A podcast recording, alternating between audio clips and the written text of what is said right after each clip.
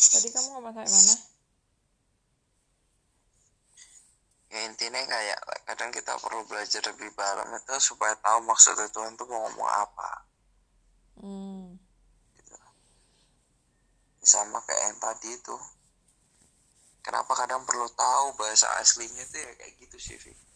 ternyata maknanya itu bisa sedalam itu maknanya itu bisa seluas itu bisa se itu bisa sebenar-benar apa ya kadang kalau dipikir itu gampangannya gini loh.